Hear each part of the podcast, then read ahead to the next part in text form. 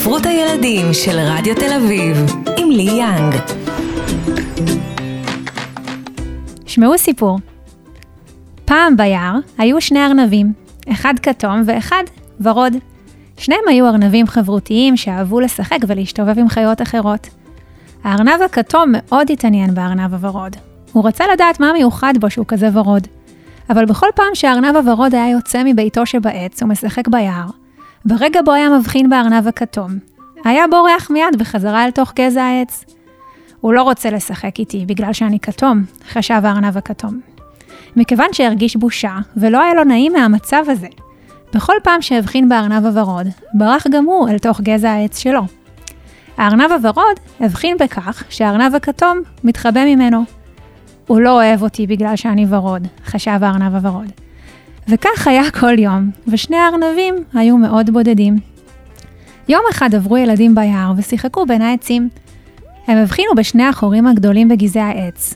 בחור, שהיה בעצם הבית של הארנב הכתום, ובחור שהיה הבית של הארנב הוורוד. הילדים נכנסו אל תוך העצים ושיחקו בהם, מה שהבריח את שני הארנבים החוצה, אל היער. הארנב הכתום והוורוד הבחינו אחד בשני. הם הסתכלו ימינה ושמאלה, אך לא היה להם היכן להסתתר. אחרי זמן מה שבהו אחד בשני, התרככו המבטים בפרצופם, נרגעו השרירים בגופם, והם החלו לשחק אחד עם השני.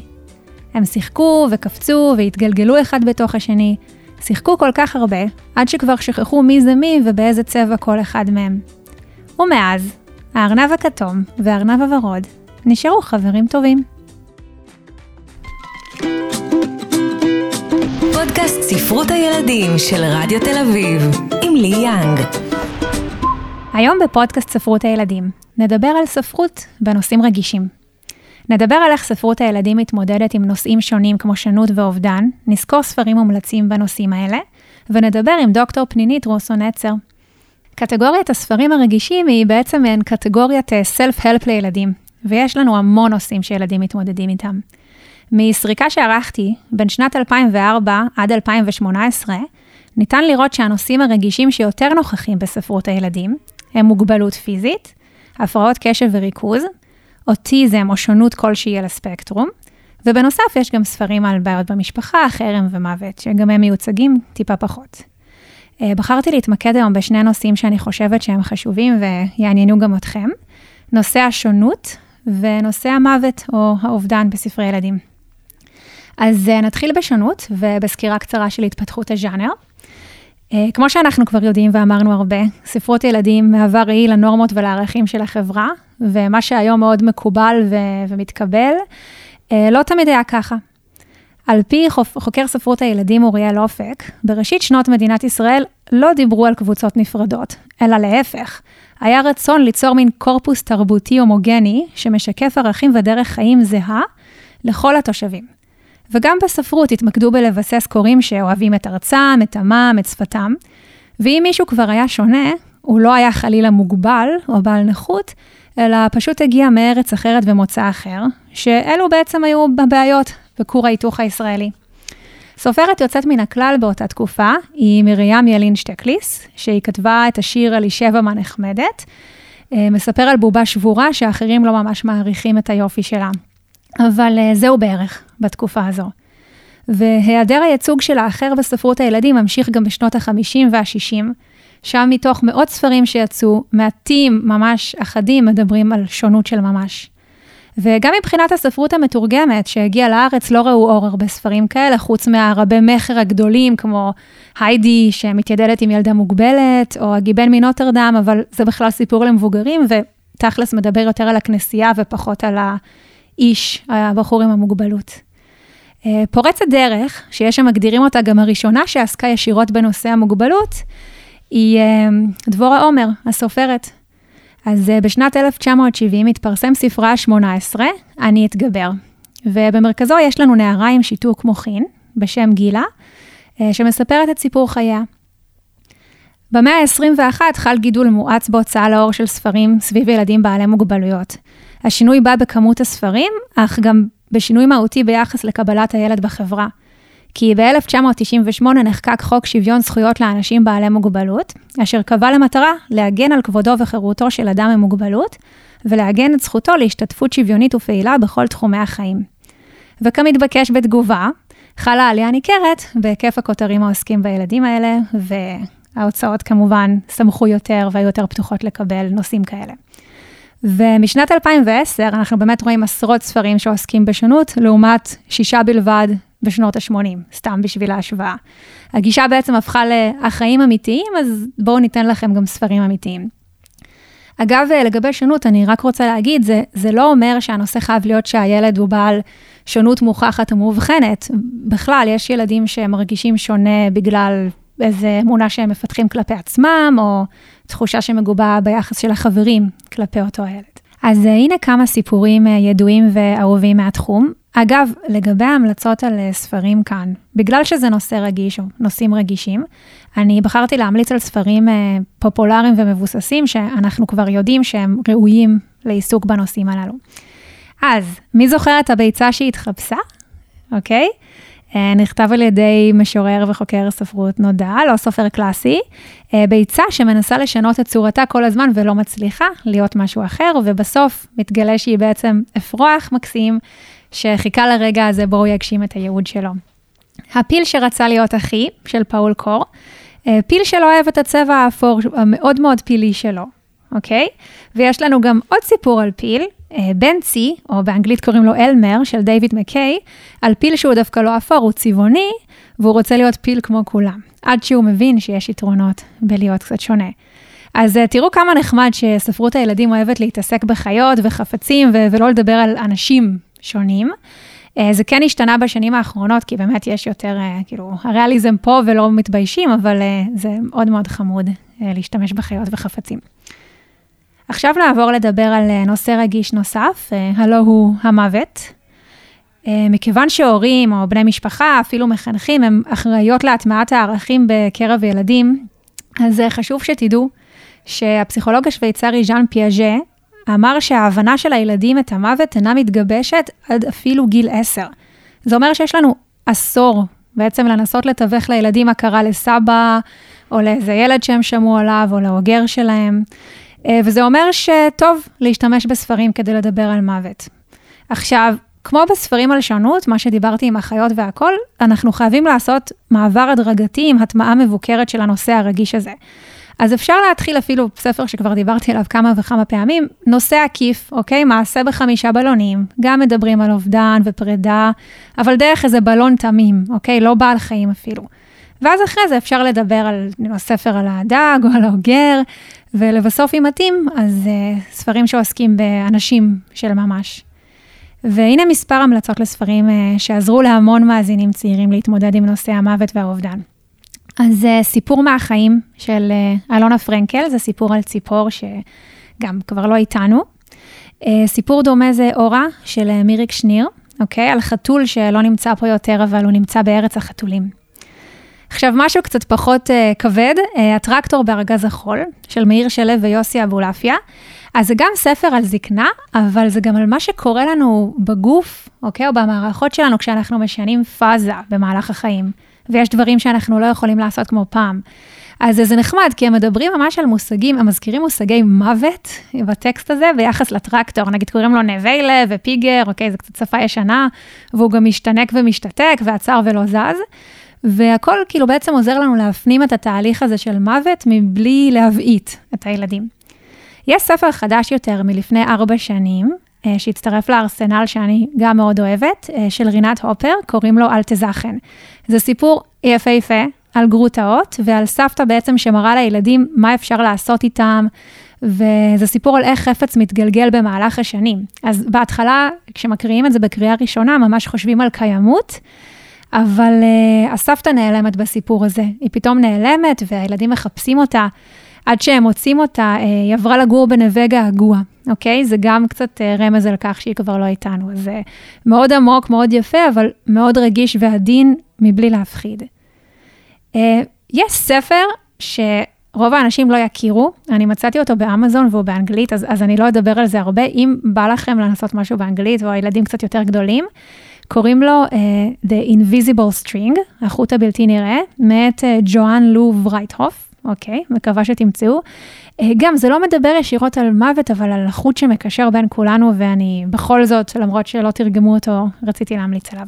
אז אני רוצה להגיד שלום לדוקטור פנינית רוסו נצר, מחברת שותפה של ספר הילדים בעקבות הקול שלי, וגם של ספר עיון בשם משמעות מחפשת אדם, שהגיע למקום הראשון ברשימת רבי המכר של אתר עברית.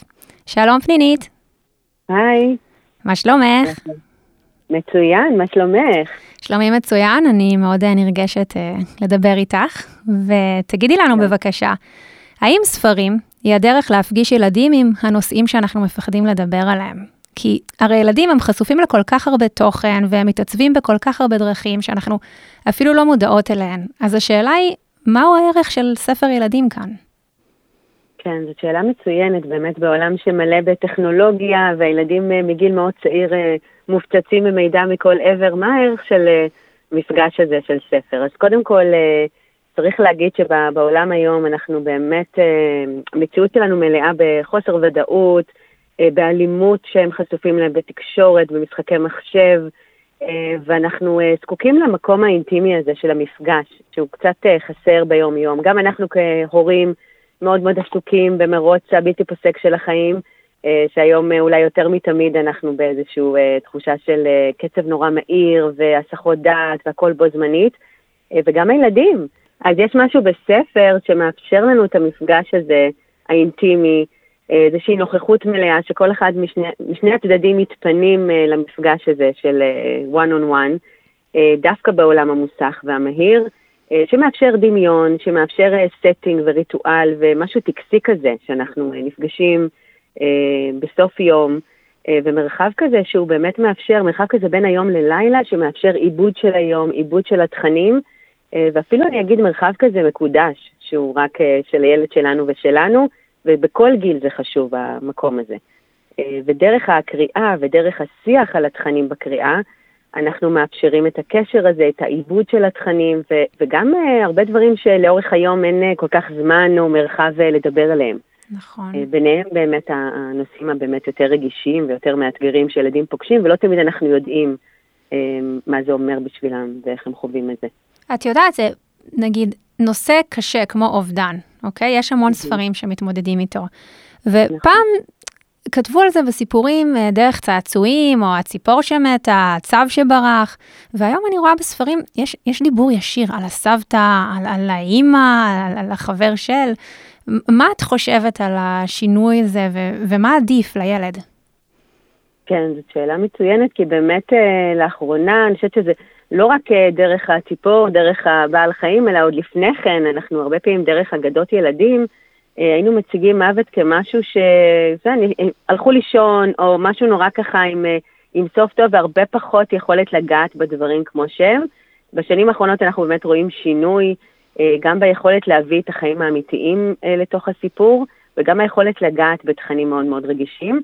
והמחקר מראה לנו שבאמת היכולת לגעת נושאים רגישים מאפשר לילדים כמה דברים. קודם כל זה מאפשר להם איזושהי uh, תחושה של אוניברסליות. זאת אומרת, uh, עוד אנשים חווים אותו דבר, זה משהו אנושי. Uh, זה מאפשר להם גם סוג של קתרזיס, איזושהי יכולת דרך הסיפור, דרך המפגש, לאו דווקא באופן עקיף, כמו שאמרת, אלא עם אנשים אמיתיים, עם ילדים בגיל שלהם שחווים אותם דברים, איזושהי יכולת לאמפתיה, יכולת לאיזשהי פתרון בעיות, הגעה לאיזשהו קתרזיס כזה של, אה, של שיא רגשי שמתאפשר דרך זה, כי אני מלווה את הגיבור בסיפור, ואיזושהי תובנה או התבוננות פנימית של אה, ידע על העולם ואיזושהי משמעות שאני ככה יכול אה, לברר דרך זה. ובאמת יש מחקר מאוד מעניין, מאוד ככה בשנים האחרונות מאוד מקיף על איך ילדים מבינים מוות. כי אנחנו יודעים שזה מאוד משתנה מבחינה התפתחותית. אה, האופן שבו אה, ילדים מבינים, ונורא חשוב שאנחנו כהורים גם נבין שזה שונה בכל גיל. אה, בגילאים הצעירים יותר, ילדים לא מבינים שמוות הוא בלתי הפיך. זאת mm. אומרת, הם חושבים, והרבה פעמים אנחנו שומעים את התפיסה שהוא הלך לישון, הלך למקום רחוק, גם אנחנו רואים את זה כמובן בכל מיני אגדות, והוא התעורר, או שפשוט אי אפשר להגיע אליו, אבל הוא נמצא, הוא עדיין חי. אה, ואז יש דאגות כמו מי ידאג, מי ידאג לו, מי יכסה אותו, מי... אה, אה, וחלק מההבנה הזאת, אם אנחנו חושבים על מושג המוות, שזה ככה תחום מחקר מאוד מעניין בהקשר ההתפתחותי, אז יש כמה מרכיבים, יש את האוניברסליות, שזה קורה לכולם, יש את החוסר הפיכות, זאת אומרת זה סופי, mm-hmm. ואת החוסר פונקציונליות, זאת אומרת הוא לא יכול לתפקד, הוא לא נושב, לא אוכל, לא הולך במקום שבו הוא נמצא, ואת הסיבתיות. עכשיו, כשילדים אה, אה, פוגשים את המקום הזה, ואם אנחנו לא מאפשרים את השיח, ופה זה הדבר המאוד חשוב, זה לא מספיק לתת לילד ספר, אה, בטח בנושאים כאלה רגישים, בין אם זה אה, בריונות או גירושין או אה, מלחמה, מה שקורה סביבנו היום, אנחנו רואים גם עלייה בחרדה של ילדים בגלל התקשורת הרבה פעמים, אה, אם אנחנו לא יוצרים איזשהו שיח ועיבוד. חלק מיצירת אה, חוסן סביב זה, זה לא להביא את זה רק כשילדים פוגשים, אלא כמשהו שהוא באמת... אה, נקרא לזה רציף, משהו שמלווה אותם באופן uh, מתמשך uh, ומאפשר להם להבין uh, ולדבר על הדברים, לשאול שאלות, לראות איך אנחנו מספרים את הסיפור. כי, כי יש משהו בזה שנכון, כמו שאמרת, מאוד משמעותי ומאוד משמח, שסוף סוף אנחנו מביאים נושאים רגישים, שלפני כן ככה שמנו אותם בצד, זה היה אפילו איזה שוק של טאבו בחברה המערבית. היום אנחנו יותר מביאים את זה לשיח, יותר מתאפשר אה, לדבר על זה דרך ספרים, אבל אם אנחנו לא מבינים איפה זה פוגש את הילד אה, מבחינה התפתחותית, אם אנחנו לא יוצרים setting, מקום שקט, זמן לעבד את הדברים, לספר להם, לתת להם איזשהו מסגור לדברים ולאפשר כל תגובה, אה, להגיד להם, ככה, כולנו פוגשים את זה, זה יכול להיות דרך בעל חיים, סבא, זה יכול להיות בתקשורת, ראיתי משהו מאוד עצוב שקורה עכשיו במלחמה או בהקשרים אחרים, יום הזיכרון, זאת אומרת, יש לנו בחברה שלנו, במיוחד בחברה הישראלית, המון מפגשים עם, ה, עם התכנים האלה. נכון, המון אנחנו, הזדמנויות. בדיוק, לצערנו. אה, וקודם כל, אני כמבוגר צריכה להרגיש נוח עם זה. אנחנו יודעים שלא תמיד לנו קל עם הנושא הזה, גם אצלנו יש המון uh, תהליכים לא מעובדים uh, סביב המקום הזה, ואם אנחנו לא מספיק מרגישים בנוח לדבר על זה, לשתף אפילו איפה אנחנו פגשנו את זה, לייצר שיח סביב הסיפור, אז uh, זה רק חצי עבודה, מה שנקרא, להביא את הספר, לגעת בו ולא לייצר כן. איזשהו עיבוד משמעותי. הרצף, הרצף חשוב, כמו שאת אומרת. ויש לי עוד נכון. שאלה אחרונה, uh, יש איזה נושא שאת חושבת שחשוב במיוחד לדבר עליו, ואת uh, מצפה לראות יותר uh, ספרי ילדים אודותיו? כן, אז זאת, אני ככה מאוד אוהבת את השאלה הזאת, כי אני חושבת שזה מה שהניע אותי ואת השותפה שלי, אסנת שיר וישינסקי, לכתוב את הספר בעקבות הקול שלי, כי הרגשנו אה, שכל המקום הזה, זאת אומרת, אני לפחות יכולה להגיד שהשיח הרבה פעמים הולך על אה, מה צריך אה, ללמד אותם במובן של coping, כן? איך להתמודד, איזה מיומנויות אנחנו רוצים לתת להם. ו- ופחות אולי לדבר על הדברים היותר חיוביים של החיים. המקום למשל של איך אני מפתח את הקול שלי, איך אני מוצא את הקול האותנטי שלי, איך אני מבטא אותו. אני הייתי רוצה לראות יותר ספרים מהנושא של להעריך את המובן מאליו. ילדים יש להם את זה באופן טבעי, אה, וגם על הלא מושלם, את יודעת, אנחנו חיים בתרבות כל כך שמקדשת את ה filtering ואת ה editing, והכל נורא מושלם, אה, מגיל מאוד צעיר הם נכנסים לעולם אה, כזה ש, שמסנן ו, ומרטש ומלטש, והלא מושלם הוא נורא חשוב, כי אף אחד מאיתנו לא מושלם, ויכולת להנגיש את התכנים האלה, היכולת לדבר איתם אפילו על נושאים כמו משמעות, שזה נושא גדול, זה אחד התחומי המחקר המרכזיים שלי, אה, זה לא מתחיל רק בגיל ההתבגרות או באמצע החיים, ילדים שואלים למה, הם רוצים להבין את העולם סביבם, הם רוצים אה, להבין יותר טוב את עצמם, אה, אז היכולת להכניס את התכנים האלה, כמו תחושת ערך, משמעות, אה, חמלה, כמו שאמרתי, איך אני מבטא את זה, לא רק במקום של לח, לחבר, אלא בכלל, אה, וכמובן המקום הזה של לראות את עצמי כאדם שלם ולבטא את הקול שלי באופן אותנטי. אני חושבת שזה משהו שהוא מאוד מאוד חשוב באופן פרואקטיבי, זאת אומרת לא לחכות רק שיקרו דברים אה, שליליים או מאתגרים שהם כמובן מאוד מאוד חשובים, אבל זה יותר ממקום ריאקטיבי, איך אני מגיב לזה, איך אני עוזר לילדים להתמודד עם זה, והייתי רוצה לראות יותר ספרים שמעודדים את השיח על דברים שילדים גם ככה עסוקים בו, אה, ולאפשר את ה, יותר את המקום הזה של אה, פתיחת הלב לדברים הטובים שקורים בעולם, שאני רק אגיד שמבחינה מוחית אנחנו מכוותים לראות אותם פחות. אנחנו נכון. יותר מכוותים לחפש... מה לא בסדר?